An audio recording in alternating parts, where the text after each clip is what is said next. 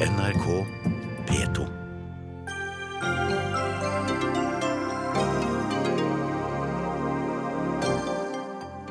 Norske verdier er under press, forkynte Senterpartiets Ola Borten Moe og kulturministeren, og dermed var sommerens kulturdebatt i gang. Pølsevev, ifølge Venstres Sveinung Rotevatn, som mener norsk kultur er langt mer enn fellesdusjing, vafler og KRLE i skolen. Regjeringen vurderer å gripe inn for å redde kriserammede Norske Skog. Feil å subsidiere enkeltbedrifter, sier Arbeiderpartiet, og møter motbør fra Senterpartiet, som mener staten kan overta hele butikken. På Værøy i Lofoten opplever folk lovløse tilstander etter at siste politimann gikk av med pensjon. Uholdbart, sier KrF-topp, og ber justisministeren rydde opp.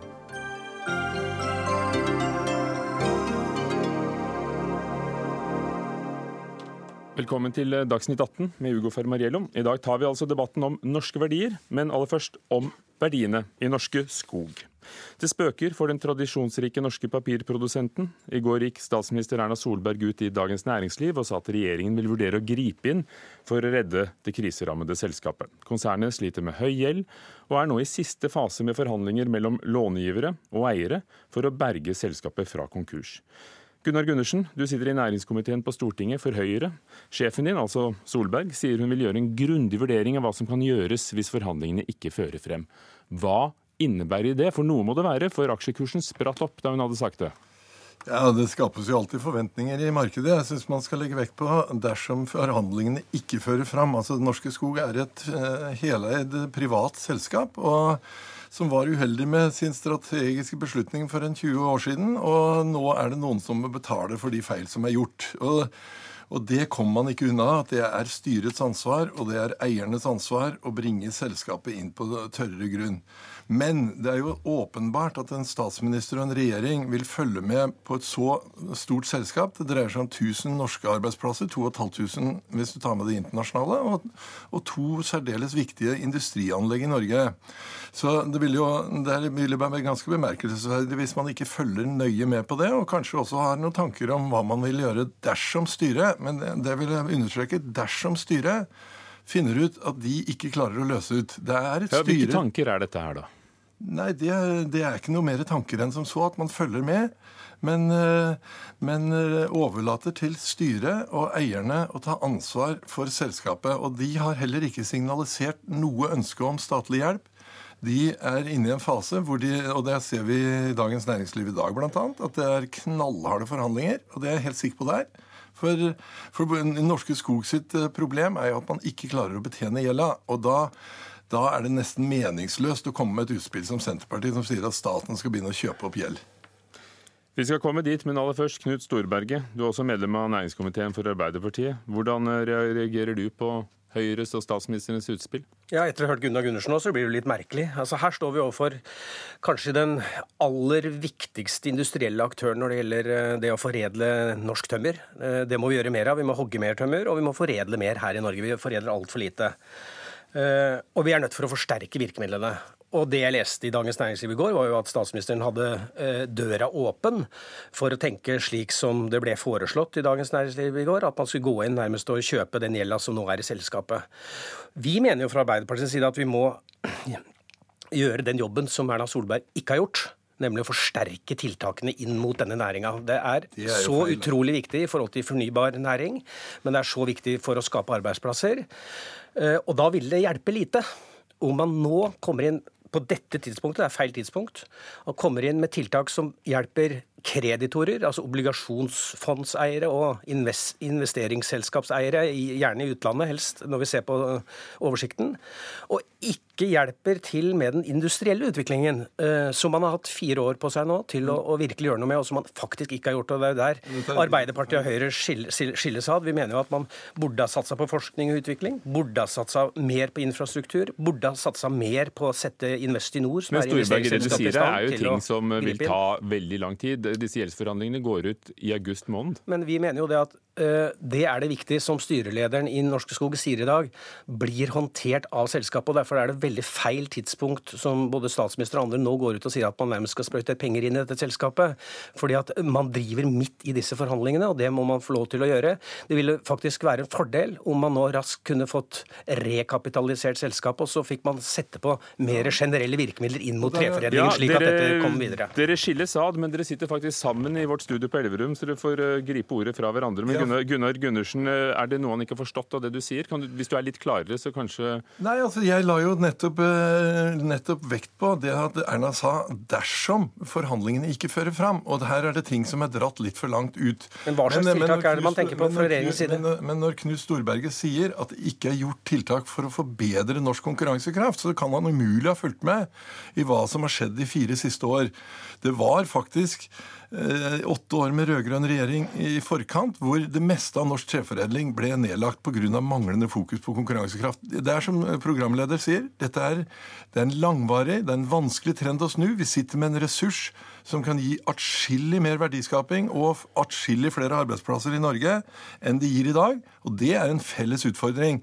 Der er vi enige. Men nå har vi altså, men, altså, altså snakka om i, i, fire år, og vi har etterlyst i Stortinget et, eh, et, har... et, et bredt mindretall, for å si det sånn, etterlyst fra regjeringens side. Gjør noe med, med vilkårene for å sprøyte inn eh, kapital fra Investinors side, og endre endre, endre, endre, Vent litt, en omgang. Eh, endre de vilkårene som ikke i dag er tilstrekkelige. Ha en mer kraftfull satsing i forhold til infrastrukturen. Se på forskning og utvikling. Dette er jo et enormt potensial man har. Gjeldsforhandlingene kunne... går ut i august. Det du snakker om der, er da langsiktig industripolitikk, jo. ikke redde selskap som står på konkursens rand? Men det er det som er helt nødvendig i en industripolitisk tilnærming til dette, er jo at man har et generelt virkemiddelapparat som treffer bedre enn det å kutte i formuesskatt, enn det å bare tenke næringsnøytralt. Vi, vi, vi, tar ikke hele skattedebatten her. Vi, jeg tror det er viktig at disse tar ordet går sin gang. Fra Elverum og gir det til Studio Stavanger. Geir Pollestad, leder av næringskomiteen for Senterpartiet. Hvor aktiv skal staten være? Det handler om to norske fabrikker. Skogn og Saugbrugsfabrikken i Halden. Eh, norske Skog, tradisjonsrik norsk bedrift. Hvor aktiv skal staten være?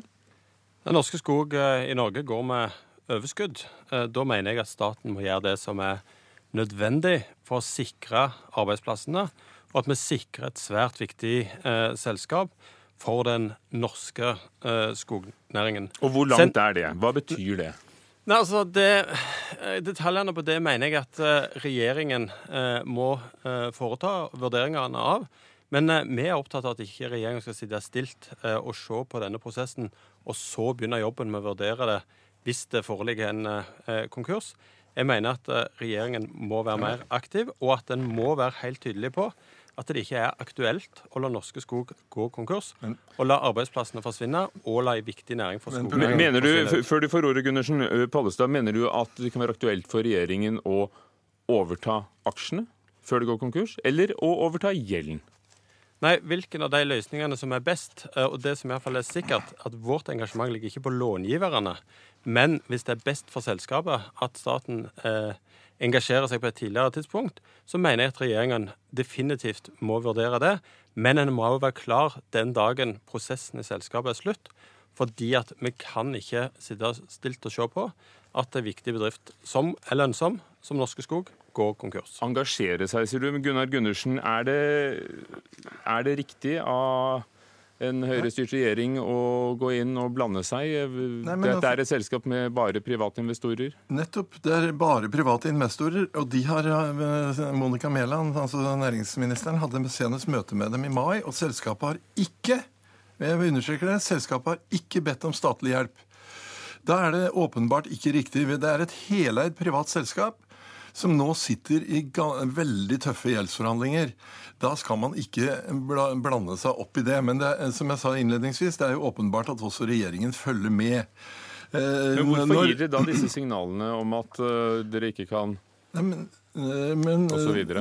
Ja, det, det, er jo som jeg sier, det er åpenbart når man blir spurt at man følger med her. Så det er vel ting som da er dratt litt ut av ut av det hele. Men, men best for selskapet det er jo nettopp at man nå får ro til å jobbe gjennom, eh, gjennom uh, utvikling. Det er et lønnsomt selskap, men de klarer ikke å betjene den gjelda de har i dag. Men den, men den fomling... Ja, men, den, men, Vent litt, la meg fullføre. For det, det da å gå inn og skape forventninger om at staten skal inn, det vil bety at vi vil løse ut antageligvis en, utenlandske långivere til en mye høyere pris enn de nå kommer til å måtte gi i reforhandlingen. Men det er fortsatt og... ubegripelig nå etter Gundersens innlegg i, under denne debatten å forstå hva det er regjeringspartiet Høyre faktisk vil gjøre, og som, hva som man har åpna døra for.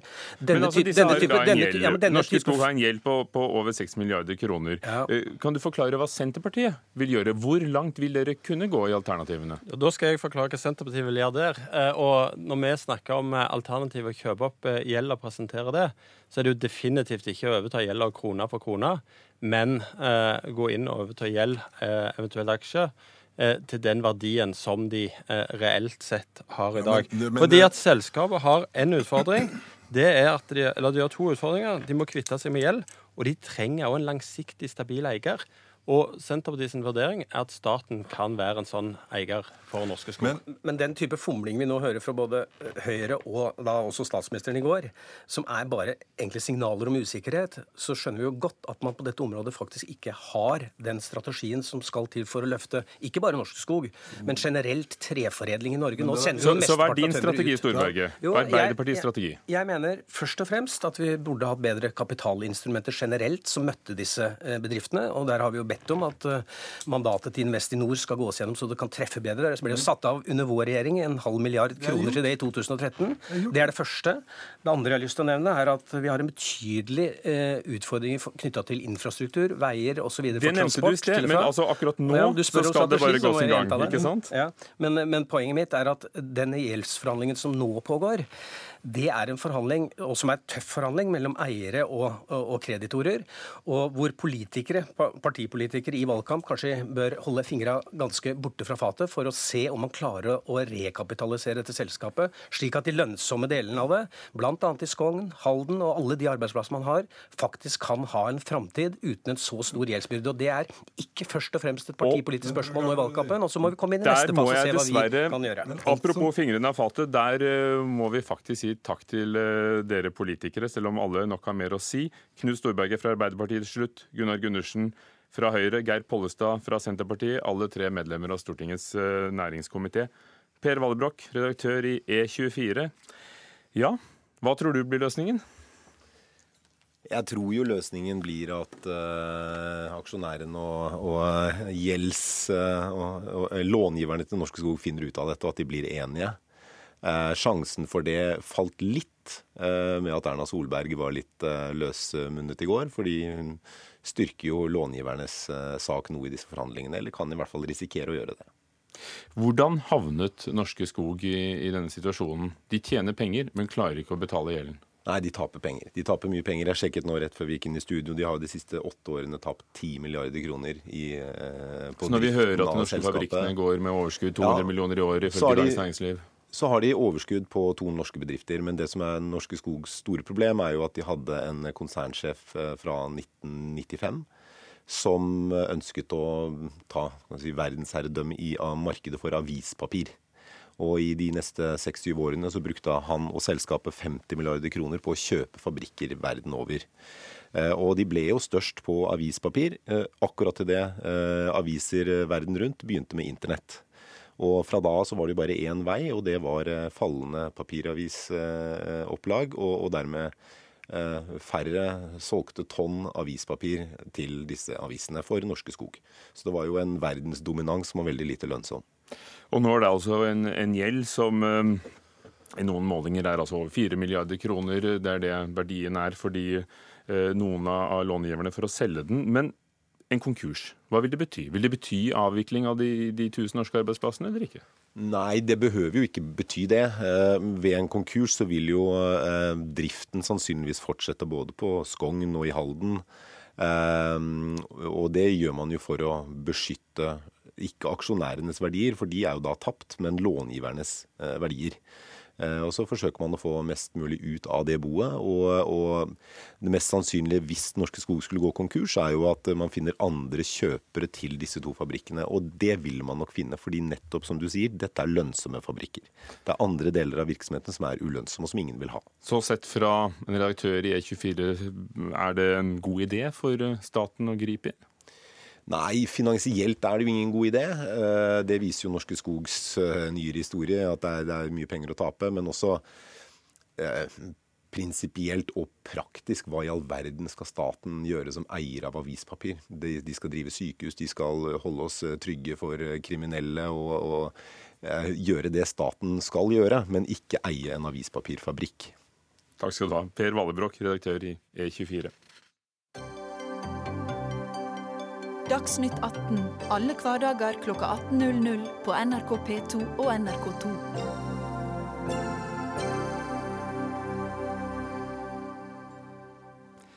Værøy kommune i Lofoten føler seg sviktet av politiet.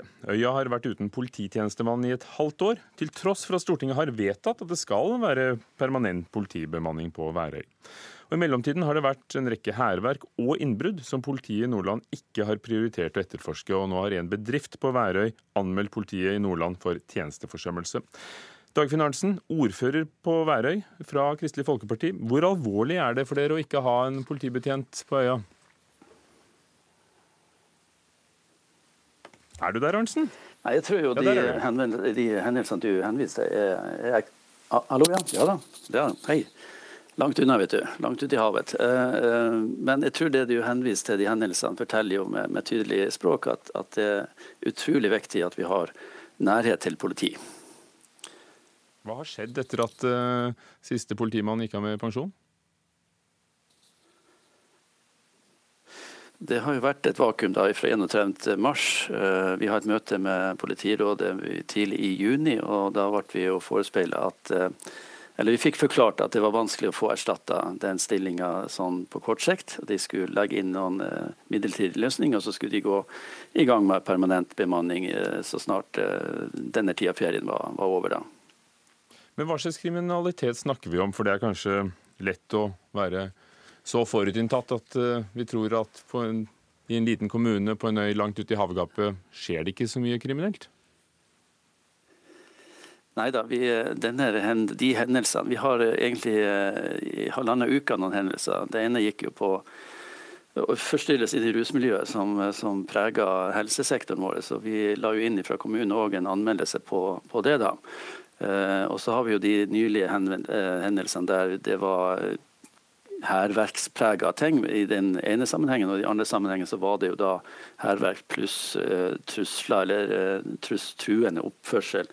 Eh, der vi har forstått også eh, stikkvåpen var, var, inne i bildet. Hva gjør du med saken eh, hvis du ikke ser noe lys i tunnelen? Nei, Den er jo løfta fram nå helt på, på ministerens bord. og Vi har jo fått heldigvis avklart en, en, en ting som dukka opp tidlig denne uka, nemlig at denne ansettelsen, eller ansettelsen skulle kobles opp mot politireformen.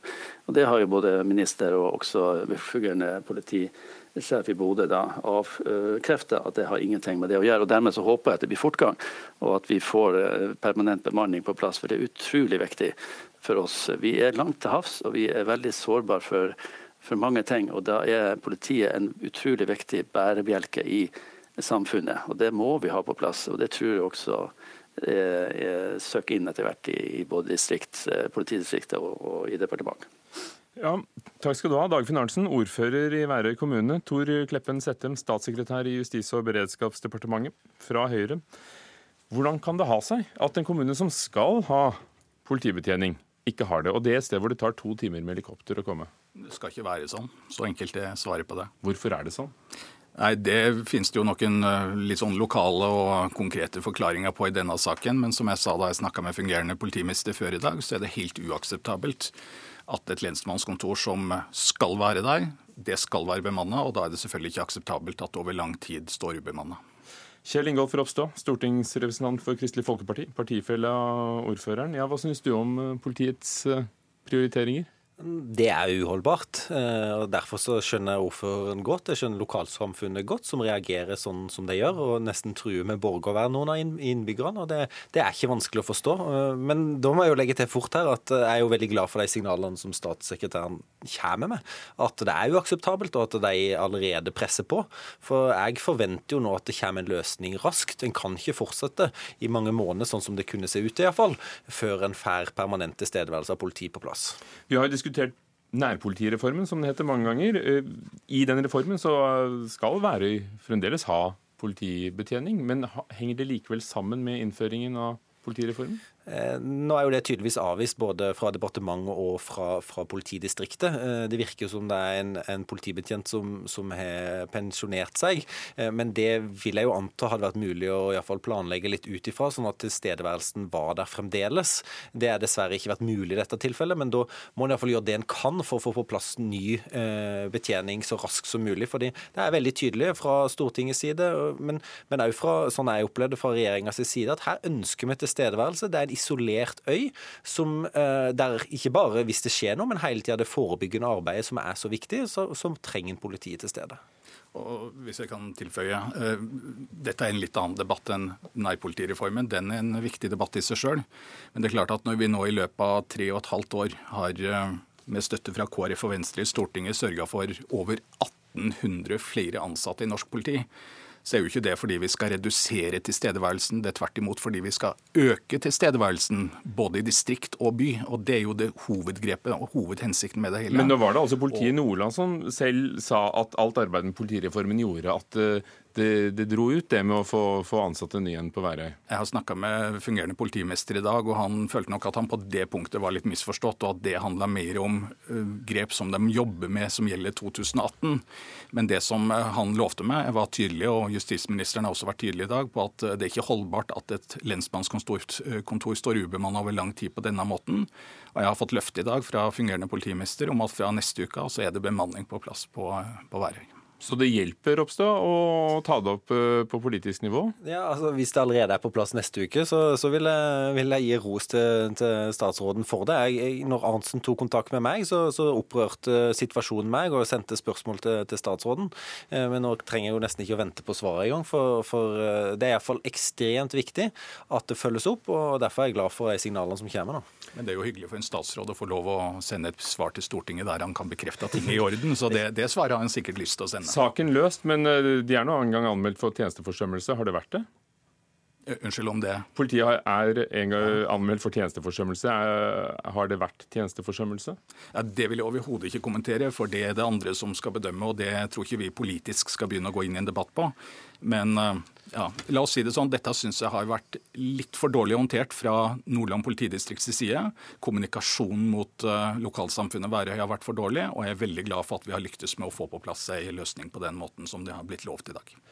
Dagfinn Arntzen, er du med oss fremdeles, ordfører på Værøy?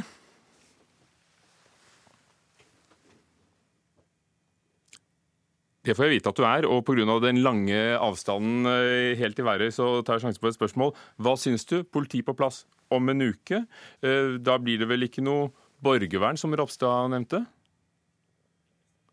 Akkurat. Vi har mistet ordfører Dagfinn Arntzen. Vi håper han har hørt på. Han har sikkert fått signalene tilbake. Saken er løst. Ropstad, du er fornøyd? Ja, jeg er kjempegodt fornøyd. og Det er ikke hver dag en får lov til å få løsninger i Dagsnytt 18, så, så, det er jeg veldig takknemlig for. og Jeg skal ringe Dag Finansen, ordføreren, etterpå, og han er sikkert kjempefornøyd. Og da skal han til og med få navnet på vedkommende som skal tjenestegjøre deg. Takk, Kjell Ingolf Ropstad og Tor Kleppen Sæthem.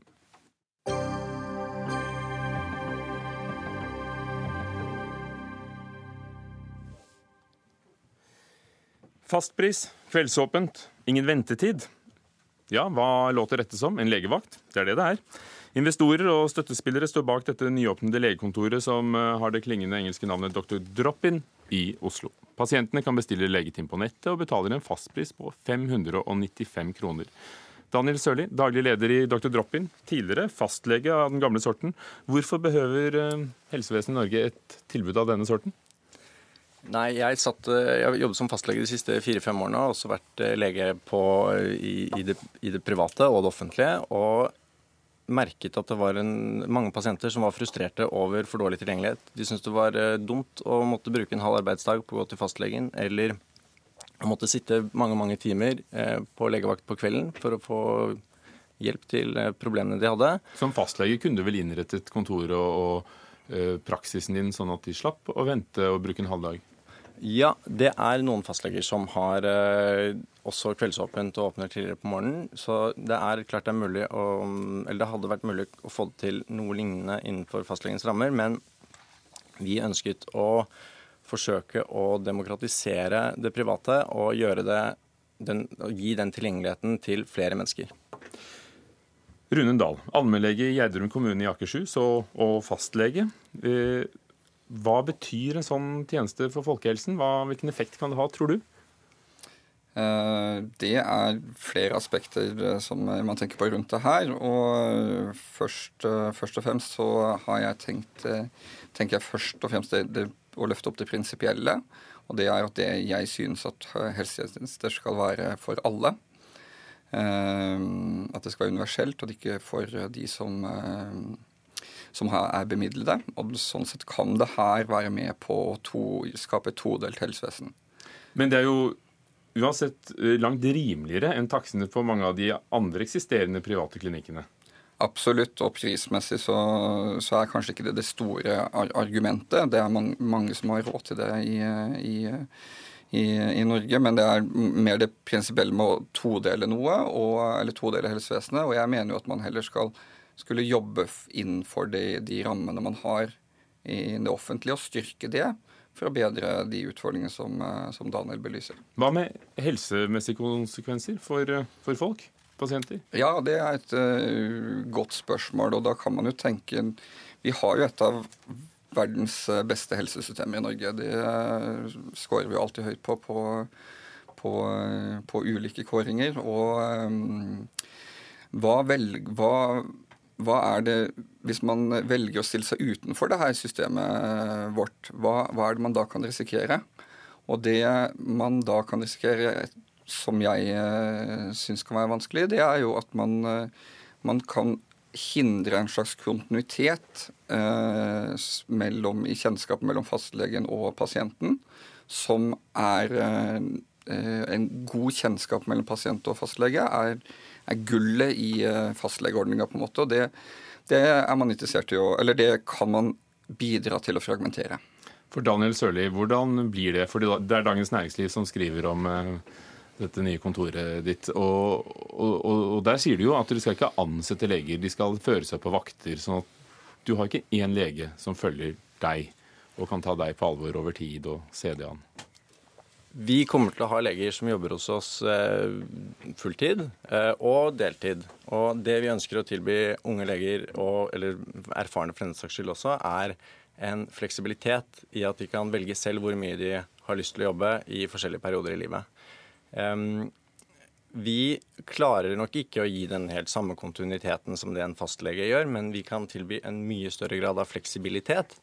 Og Det er også viktig for meg å poengtere at vi ønsker ikke å være en, å, å utkonkurrere fastlegeordningen på noen som helst måte. Vi ønsker å være et supplement eh, til folk. At vi kan være en, en tilgjengelig tjeneste som, som, de kan bruke når de, de, ikke får tak i fastlegen, når det er vanskelig å bruke den f.eks.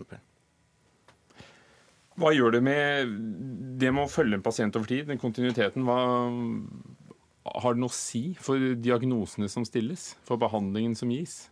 Ja, det tror jeg. Det er uh, to aspekter ved det. Det er uh, Man kan på den ene sida si at hvis man uh, i gåseøyne shopper legetjenester flere steder, så kan man risikere at at man går glipp av et mønster av Hvis det er banale Det som en pasient vil oppfatte som banale infeksjoner, la oss si det, kan peke på et mønster som kan si noe om bakenforliggende sykdom som kan, man kan glippe. Det, kan være, det vil jo være potensielt uh, helseskadelig. Eller det er en risiko for det, i hvert fall. Uh, fordi at det er vanskelig for den enkelte pasient å kunne vite om den enkelte hendelsen, den enkelte uh, helseplagen man har, er noe som krever en helhetlig tilnærming, eller noe som kan gjøres der og da. Ja, og Der er mitt svar at vi, vi er ikke et sted hvor folk kan komme og shoppe legetjenester enkelt. og vi har et journalsystem som, som gjør at uh, pasienten blir sett over tid. Så hvis de kommer med de samme tingene igjen og igjen, igjen så skal de bli tatt på like alvor og, og, og på samme måte som det man blir tatt hos uh, fastlegen sin. Um, og de som jobber hos oss, har jobb andre steder som fastleger eller legevaktsleger. Det er bare det at vi løser systemet og ordningen rundt det på en annen måte enn de offentlige rammene tillater i dag. Så har du tro på at det skal lønne seg, men hvordan kan det lønne seg til den timetaksten? Du, det er fordi vi har hatt øh, veldig fokus på kostnadssiden i utviklingen av klinikken vår. Uh, så vi har eh, små lokaler, og så har vi brukt masse smart teknologi for å løse Eh, dette med timebestilling og laboratorieprøver som f.eks. legene tar selv. Så vi har klart å kutte kostnadene, og derfor klarer vi å tilby den prisen. Og Rundal, hvis det er et marked for, eh, for både sørlystjenester og, og, andre private klinikker som, som koster mer, betyr det kanskje at dere vanlige fastleger kunne gjort noe annerledes? Ja, absolutt. Det er helt klart eh, rom for forbedring innen fastlegeordningen også. Den er jo under angrep fra flere forhold, kan man lese om daglig i media. Og det er jo også fastleger som, eh, som, som etterlyser en, eh, en, eh, hva skal man si, reformering av, av, systemet. Så det er helt klart rom for forbedringer, men jeg tror jo at det er rom for å forbedre det her innenfor det allerede eksisterende systemet, og at det ikke er nødvendig med slike tjenester som Dr. Bråtbyen for å Jeg tror ikke at det bedrer den norske folkehelsen. Dette vil jo tiden vise. Takk skal dere ha, begge to. Rundal, allmennlege, og Daniel Sørli, som eh, også er allmennlege og daglig leder i, i, i de nye legevakttjenester.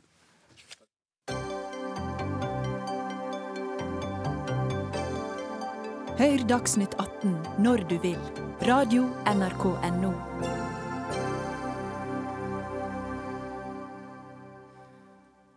Det som startet med en koselig sommerprat i VG mellom kulturminister Linda Hofstad Helleland og Ola Borten Moe fra Senterpartiet på gården hans, er nå blitt til sommerens store kulturdebatt. Fra hver sin politiske plattform var de ganske forent i en felles bekymring for at norske verdier er under press. Felles gymtimer, K-en i KRLE-faget og skolegudstjenester var noe av det som ble løftet frem. Ola Borten Moe, nestleder i Senterpartiet. Du skriver i en ytring på NRKs nettsider i dag at våre verdier er under press, både fra innsiden og utsiden. Hvilke verdier? Ja, La meg begynne med å si at jeg tror at vi er i brytningstid, eh, som kanskje er annerledes fra mange av de andre endringene det norske og internasjonale samfunnet har vært igjennom. De siste 25 årene etter murens fall så har vi bevega oss i en stadig mer internasjonal retning. Makt er flytta ut av nasjonalstaten, grenser er bygd ned. Eh, og så har jo ikke bare den utviklinga stoppa opp, eh, men den er jo også eh, på mange områder reversert. Og jeg tror de siste årene har vist oss at det er behov for nasjonale fellesskap, det er behov for grenser, det er behov for rammer å bygge gode liv og samfunn innafor og på mange måter eh, en renessanse eller en revitalisering av nasjonalstaten. Eh, og det gjør jo eh, verdidebatter, normdebatter, regeldebatter mye viktigere. For i mitt hode så er det helt åpenbart at hvis vi skal klare å forny det som har vært norsk suksess, suksess, nemlig det å bygge tillit på tvers av geografi, inntekt, altså, kultur, sånn som vi har gjort, eh, så er det nødt til å ligge et sett av felles verdier i grunn, felles forståelse for samfunnet, en felles arbeidsmoral, om du vil, for å ta et sentralt punkt. Og det tror jeg vi til stadighet må, må debattere. Og Det viser seg jo at det er ikke så lett å bli enig om hvilke Nei. felles verdier Nei. dette skal være. Kan du nevne hva du tenker på? Nei, jeg skal, jeg skal komme til det. Fordi at Eh, vi, altså, det er jo bare å stikke fingeren i jorda, og så ser man jo at hver gang man snakker om norske verdier, så blir det jo en slags offentlig konkurranse og et enormt engasjement i å, i å fortelle oss selv at det ikke finnes norske verdier. Eh, og hvis det finnes, så er det importert utenfra, og, og kristendommen er en landeplage, og vi, vi snakker oss eh, selv veldig ned. Men det må jo gå an å sammenligne det norske samfunnet i hvert fall med, med, mange andre land. Eh, og Da tenker jeg at det blir lett å se eh, hva vi skal være glad for at vi har, hva vi skal være kompromissløse på at vi ikke skal forandre. Og det, så det er på en måte noe av det som kommer utenfra. Og så vil jo jeg, i motsetning til, til Listhaug, som bare mener at innvandring er problemet, så mener jeg at dette i aller høyeste grad òg er en diskusjon som om du vil, etniske, tradisjonelle nordmenn er nødt til å ta også kontinuerlig. Eh, vi har f.eks. en arbeidsdeltakelse som stadig går nedover, og kanskje har arbeidsmoralen vår fått en knekk etter hvert som oljepengene har flyttet inn. Og så har vi eh, enorm eh, innvandring som utfordrer mye av Eh, altså, som utfordrer oss på annet vis enn tidligere. Eh, og Det må vi selvsagt også diskutere. Her har vi samlet et knippe nordmenn med alle mulige slags bakgrunner. Sveinung Rotevatn, du sitter i studio i Førde, stortingsmann fra Venstre. Du kalte utspillene fra Mo og Helleland i VG for pølsevev. Og i en kronikk bruker du ord som vaffelnasjonalisme. Hva er det som skurrer i dine ører? Det som skurrer er at eh, det er jo fascinerende å se et felles utspill fra Høyre og Senterpartiet eh, som norske verdier. Dette er altså to partier som er helt uenige om synet på EU, på landbruk, kommunesammenslåing, statlig eierskap, nynorsk. Altså Viktige politiske spørsmål som en også kan si handler om verdier.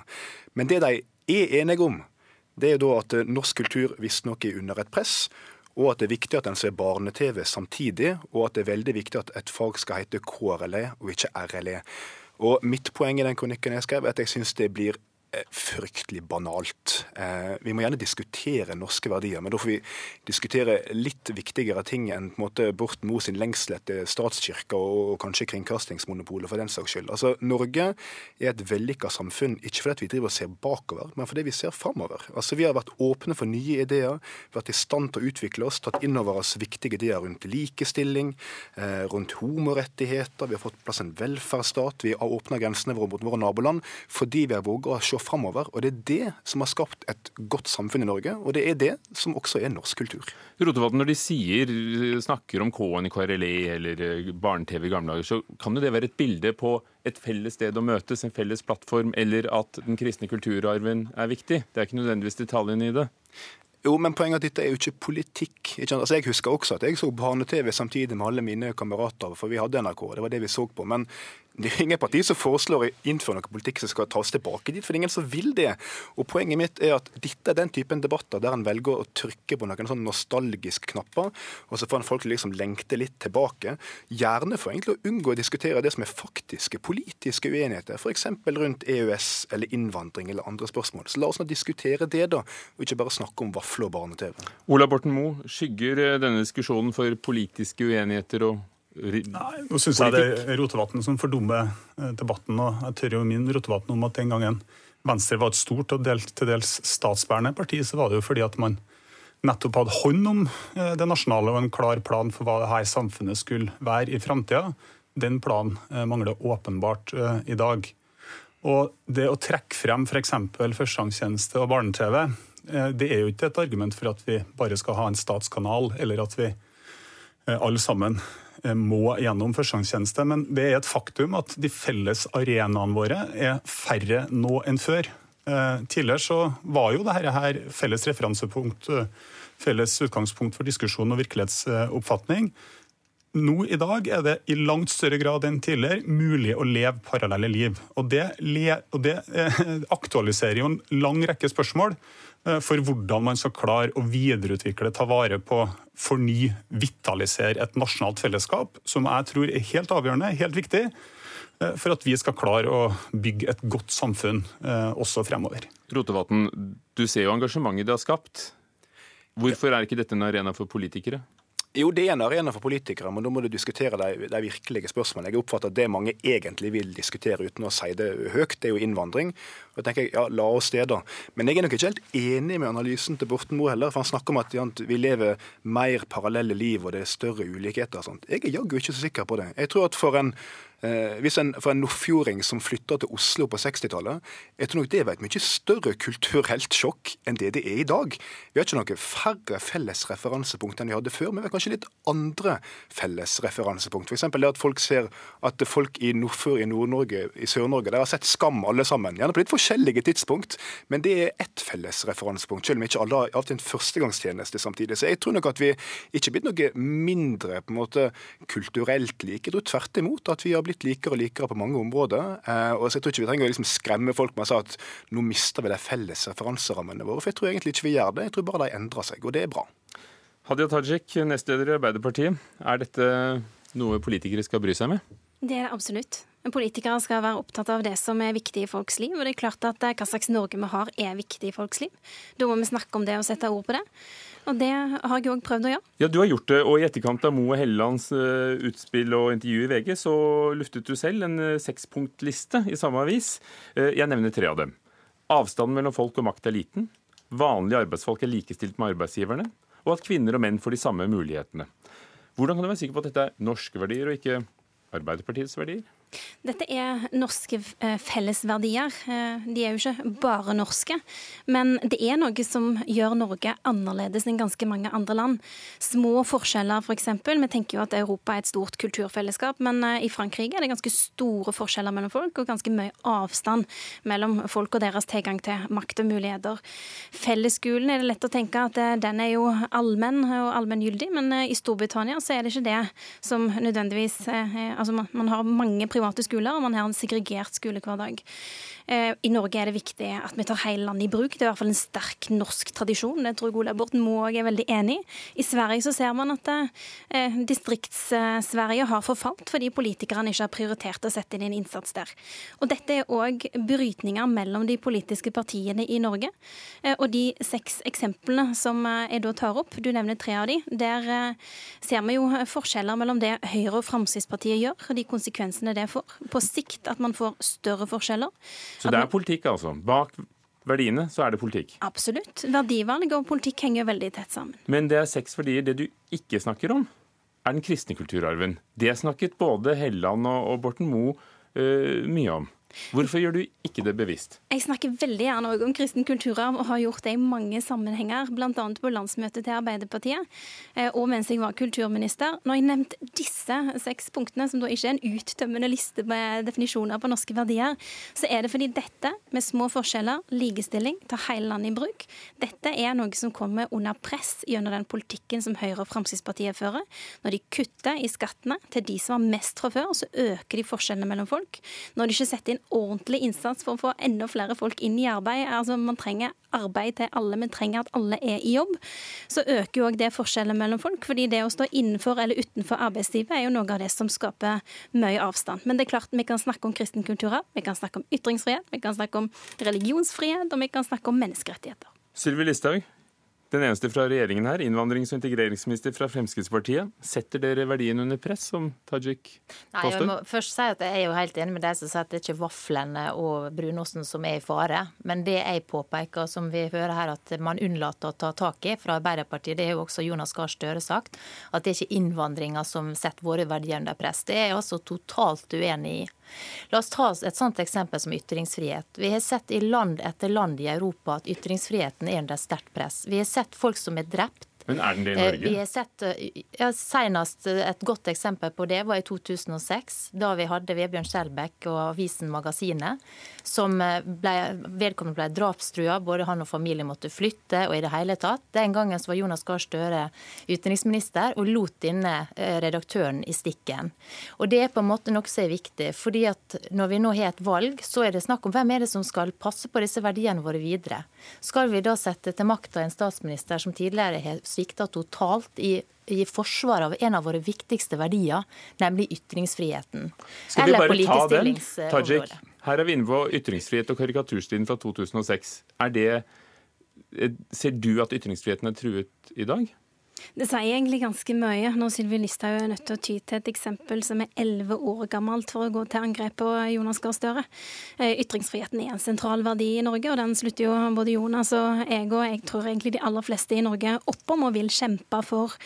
Jeg syns det blir litt eh, absurd eh, hvis man skal få debatten om hva Norge er, til å stå og falle på innvandring. Altså, det Jonas har påpekt, er jo at norske verdier er ikke under angrep, men vi er enige om at norske verdier er under press fra flere hold.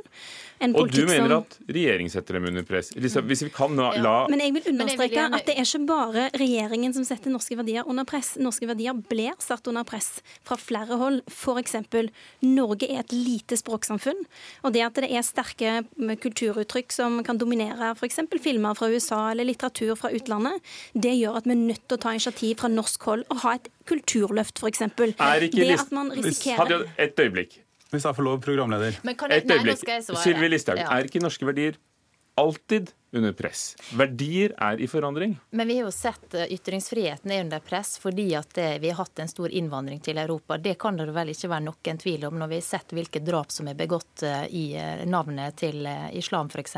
mot personer som ytrer seg kritisk til den religionen. ulikhet. Altså Hovedgrunnen til ulikhetsutviklinga i Norge er innvandringa. Fordi at veldig mange av de som nå kommer under fattigdomsdefinisjonen, er personer som er kommet som innvandrere innvandrere, der mamma og pappa står utenfor arbeidslivet, ikke kommer seg i jobb, og der man lever av offentlige overføringer. De som sier de ønsker små forskjeller, må ønske også en liten innvandring for å ikke få økende forskjeller. Og Det er jo der Arbeiderpartiet nå har et eh, forklaringsproblem. Absolutt ikke. De skal, de skal, de skal, de skal gå i regjering og støtte seg på f.eks. Rødt, som vil ta imot 20 000 flyktninger i året. MDG, som har sagt de vil reversere alle endringer som er gjort. SV, som har kalt eh, Sverige for et lysende eksempel i Europa når de håndterte flyktningkrisen. Og en partileder som snur kappa etter vinden. Vi så i 2015 inviterte 10 000, det kom 30 000. Så stramma man inn. Og sånn kan man ærlig talt programledere ikke styre et land, og det er det jeg er bekymra for nå. at okay. våre Dere skal få ordet både i Førde og Trondheim, men først Hadia Tajik. Arbeiderpartiet vil ha kontroll over over grensene i Norge. Vi vil ikke ha en situasjon som vi har hatt under Fremskrittspartiet, der de fullstendig mista kontroll over grensa ved Storskog. Etter, I seks uker mangla de den type kontroll. Og det er jo klart at hvis man skulle hatt det sånn, som vi har hatt det under Fremskrittspartiet de seks ukene, i fire år eller seks år, at man skulle mangle den kontrollen, så er klart det, det ville satt norske verdier under, øh, ville satt norske verdier i, øh, altså under press. Er det verdiene det som styrer politikken, eller politikken som styrer verdiene? Det jeg vil understreke, er jo at det er jo nettopp ved å føre en god integreringspolitikk, altså en politikk for små forskjeller, som ikke øker avstanden mellom folk, som skaper muligheter for kvinner. Det er jo det som vil sørge for at de som har innvandrerbakgrunn i Norge, òg lykkes. Sånn at vi bevarer den, det som er det fineste ved Norge. Den kontrollen har vi jo mista nå pga. familiegjenforeninga, der dere stemte ned helt nødvendige forslag. Det kommer altså veldig mange på familiegjenforening. Det hadde tror... ikke det gjort med vår politikk. Sånn at okay, det kommer under press i året som kommer, nettopp pga. det. Ja, vær så god. Tusen takk. Ja, la meg bare begynne med karikaturstriden. Jeg tror Det er et veldig godt eksempel på hvorfor vi trenger et kontinuerlig offentlig ordskifte. Jeg syns det er merkelig å trekke fram den saken nå elleve år etter. Men så tror jeg at den debatten, bevisstgjøringa, refleksjonen som vi har hatt i Norge i etterkant av den, eh, ville ha ført til at det norske samfunnet har takla den helt annerledes nå eh, enn det man gjorde den gangen. Og det er vel noe som Gahr Støre eh, selv også har reflektert over. Det er underlig å høre uh, Listhaug, fordi at hun utelukkende fokuserer på innvandring. Det er bestandig kun innvandringa som er problemet når norske verdier blir satt under press. Det tror jeg er feil nå, på samme vis som det bestandig har vært feil analyse. Det som er interessant med Listhaug, er at hun kjører jo en uh, take no prisoners-strategi. Altså det er aldri noe positivt eh, fra den kanten knytta til hva eh, innvandring faktisk representerer av muligheter for det norske samfunnet. Jeg tror at Skal man være en god innvandrings- og integreringsminister, så er man nødt til å klare å balansere budskapet og ikke bare kjøre konflikt for konfliktens del. Så vil jeg gjerne si noe om kristendom, fordi at det var en del av kronikken og det var en del av intervjuet. altså det med kristne verdier eh, skaper jo et enormt engasjement, oppsiktsvekkende nok. Eh, og også der er det mange som vil mene at vi må ta avstand fra det, at det ikke henger sammen med et liberalt uh, samfunn. Vel, I mitt hode så er det ikke sånn. Det er veldig vanskelig å se for seg Norge som et liberalt, fritt, inkluderende samfunn uten den påvirkninga som den kristne kulturarven har hatt. Og så kan du bare sammenligne. det, eh, du, jeg, jeg verden under kupper ett, og så ordet ser ditt. man det at det er, det er er hyggeligere og friere å leve i, den- i den kristne, frie verden enn det er i mange andre deler av verden. Listhaug, og det er vel noe som er midt i, i, i det du og Fremskrittspartiet liker å snakke om? Kristne kulturarv, norske verdier? Altså, Du må da være glad for den debatten som løftes frem? Ja, altså Den er jo ve- ve- veldig opptatt av nettet fordi jeg mener våre verdier er under press. Og det er klart at Jeg har i mange sammenhenger sagt at det, hvis de som kommer til landet vårt, aksepterer, respekterer og etterlever våre verdier, så er det jo ikke noe problem. Men det er når man ikke gjør det, at det ikke er greit. Og Jeg mener jo at det, politikerne i Norge har en stor del av ansvaret sjøl. Fordi at oss hele tida har latt utviklinga gå. Ta på barnehijab, da. Men Som ikke- har kommet i større og større grad. Og som vi diskuterte her ja, tidligere i men uken. Poenget er, man, man forbyr det ikke. Man bare sier vi skal ha dialog og dialog og dialog, men det blir ikke noe slutt på det. Det blir bare mer og mer og mer. Så vi må jo sette ned foten for det vi mener er ukultur, og greie å innføre de forbudene som er nødvendige. Og så må vi sørge for at alle aksepterer de verdiene som er i vårt samfunn, for det er faktisk eh, utrolig viktig for Men de verdiene, er ikke de alltid i forandring? Våre verdier er, eh, ville vært forandret uansett pga. tiden, økonomien, historien. Ja, likestilling er jo f.eks. en viktig verdi som har vært i forandring, fordi at det er, blitt, eh, det er blitt full likestilling mellom menn og kvinner i Norge. Men det er jo ikke selvsagt at det skal være sånn. Altså, I veldig mange land i verden så lever folk i ufrihet, og det er så lett å glemme det, fordi vi er vant til å leve frie liv. Sveinung Men eh, det betyr jo at det kommer under press. Rotevatn, er du med? Jeg er med, og jeg har hørt Tror du på. blir det Ja, du har hørt på. Ja, og jeg- Ser du det politiske innholdet, den praktiske politikken, bak de forskjellige verdiene og, og begrepene?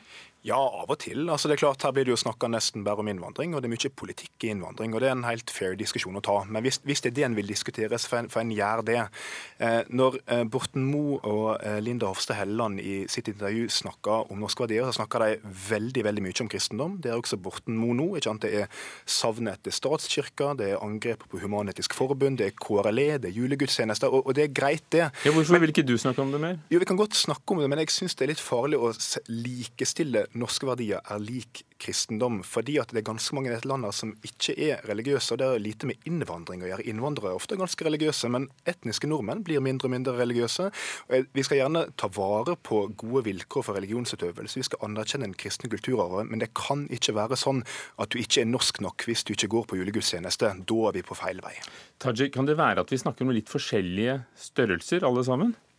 Altså Det virker i hvert fall som det, det, det hva skal jeg si, litt ulike agendaer eh, inn i dette bildet. Eh, Jeg opplever at Sylvi Listhaug utelukkende vil snakke om innvandring og bruke dette som en mulighet til å kunne gjøre det. Eh, Men, men jeg syns jo at både Rotevatn og Ola Borten Moe har interessante poenger. Og jeg vil understreke at det å ha med seg bagasjen fra tradisjonen og fra fortiden, det, det, det kan være klokt. Fordi det ligger altså mange vonde kamper i det. Og det ligger ingen motsetning mellom det å se framover og det å være forankra i det gamle. Jeg mener at vi ser altfor kort på det. fordi at Vi må tenke på barn og barnebarn og kommende generasjoner, hvordan Norge skal være. Og Da vil jo innvandringa, hvordan vi integrerer, hvilke verdier som skal aksepteres framover, være veldig viktig. Og derf- hvem hadde trodd at det var verdier som valgkampen på en måte skulle starte med? Takk skal dere ha, alle politikerne. Vi flytter oss til kommentatorene, men vi hadde med Ola Borten Moe fra Senterpartiet, Sveinung Rotevatn Venstre, Hadia Tajik, nestleder i Arbeiderpartiet, og Sylvi Listhaug fra regjeringen og Fremskrittspartiet. Ja, vi har, eh, vi har med oss eh, to stykker som har lyttet. En av dem er deg, Tone Sofie Aglen, politisk redaktør i Adresseavisen, også i Trondheim. Kan du forklare det store engasjementet? Ja, det blir jo en veldig kaotisk debatt, for de eh, snakker om så mye forskjellig. Og jeg tror alle legger sine egne ting i det her verdibegrepet. Det tror jeg liksom det Borten Moe og Helleland gjorde, med at de liksom rørte sammen denne gryta med både kultur, identitet, innvandring, religion og ispedde både nostalgi og nasjonalromantikk. Det gjør at det blir veldig lett å harselere med. Det er lett å plukke fra hverandre, men jeg tror også at det appellerer voldsomt til følelser. Og jeg tror debatten hadde jo blitt veldig mye bedre dersom Borten Moe hadde rydda mer i argumentene sine og f.eks. løfta en debatt om kristendommens rolle i samfunnet. Det tror jeg har vært en interessant debatt, men jeg tror nok ikke den ville ha engasjert og skapt så mye følelser som det denne debatten gjør, fordi man legger så mye i det. Og jeg tror at det er litt sånn politikerne sitt mål nå mot valgkamp, er jo nettopp å appellere til følelser. Lars Akerhaug, journalist eh, i Minerva. Du har uttalt at mange av kommentatorene i denne saken viser at eh, journalister har en eh, forakt for folk flest. Ja. Hvordan da? Nei, jeg, jeg bare registrerer at straks politikere begynner å snakke om uh, norske verdier og uh, snakker om vafler og brunost, at det ikke skal mer til enn det for å hisse opp kommentariatet. Uh, jeg syns det er litt sånn lettere patetisk å se alle disse kommentarene hvor man hisser seg opp over at politikere snakker om norske verdier. Jeg er helt enig i at dette dreier seg om mer enn Eh, vafler eh, og brunost. Og jeg som journalist snakker med mange som er bekymret nettopp for at vi har over lang tid hatt for høy innvandring, eh, og mange som er bekymret for at ja, verdiene våre er under press, og at det norske samfunnet endrer seg for raskt. Og Her virker det som om kommentariatet er helt i utakt med befolkningen. Tone Sofie Aglen, hvordan virker dette politisk? Altså, Hvilke politiske mønstre ser du her, hvis vi tenker på at det er valgkamp, og at eh, Senterpartiet og Høyre ga et intervju sammen i VG? At, eh, at, eh, at det nærmer seg kanskje tid for å danne en ny regjering for noen? Ja, jeg vet ikke om det her kan tolkes som noe sånn politisk binding mellom nei, Høyre og Senterpartiet. Det tror jeg nok er mer personavhengig, men jeg tror nok at både Borten Moe og Helleland har i, i, lang tid vært opptatt av å på en måte demme litt sånn opp mot Frp og være et litt mer sånn folkelig alibi og ta en del av de velgerne som Sylvi Listhaug åpenbart appellerer til. Og jeg tror også at de eh, også derfor de er så uklar i, i hva de egentlig mener, for å liksom appellere bredt og uten å på en måte skitne til hendene sine, sånn som Listhaug gjør, og ikke legge seg for tett opp mot henne, så kan man liksom legge sin egen tolkning i det.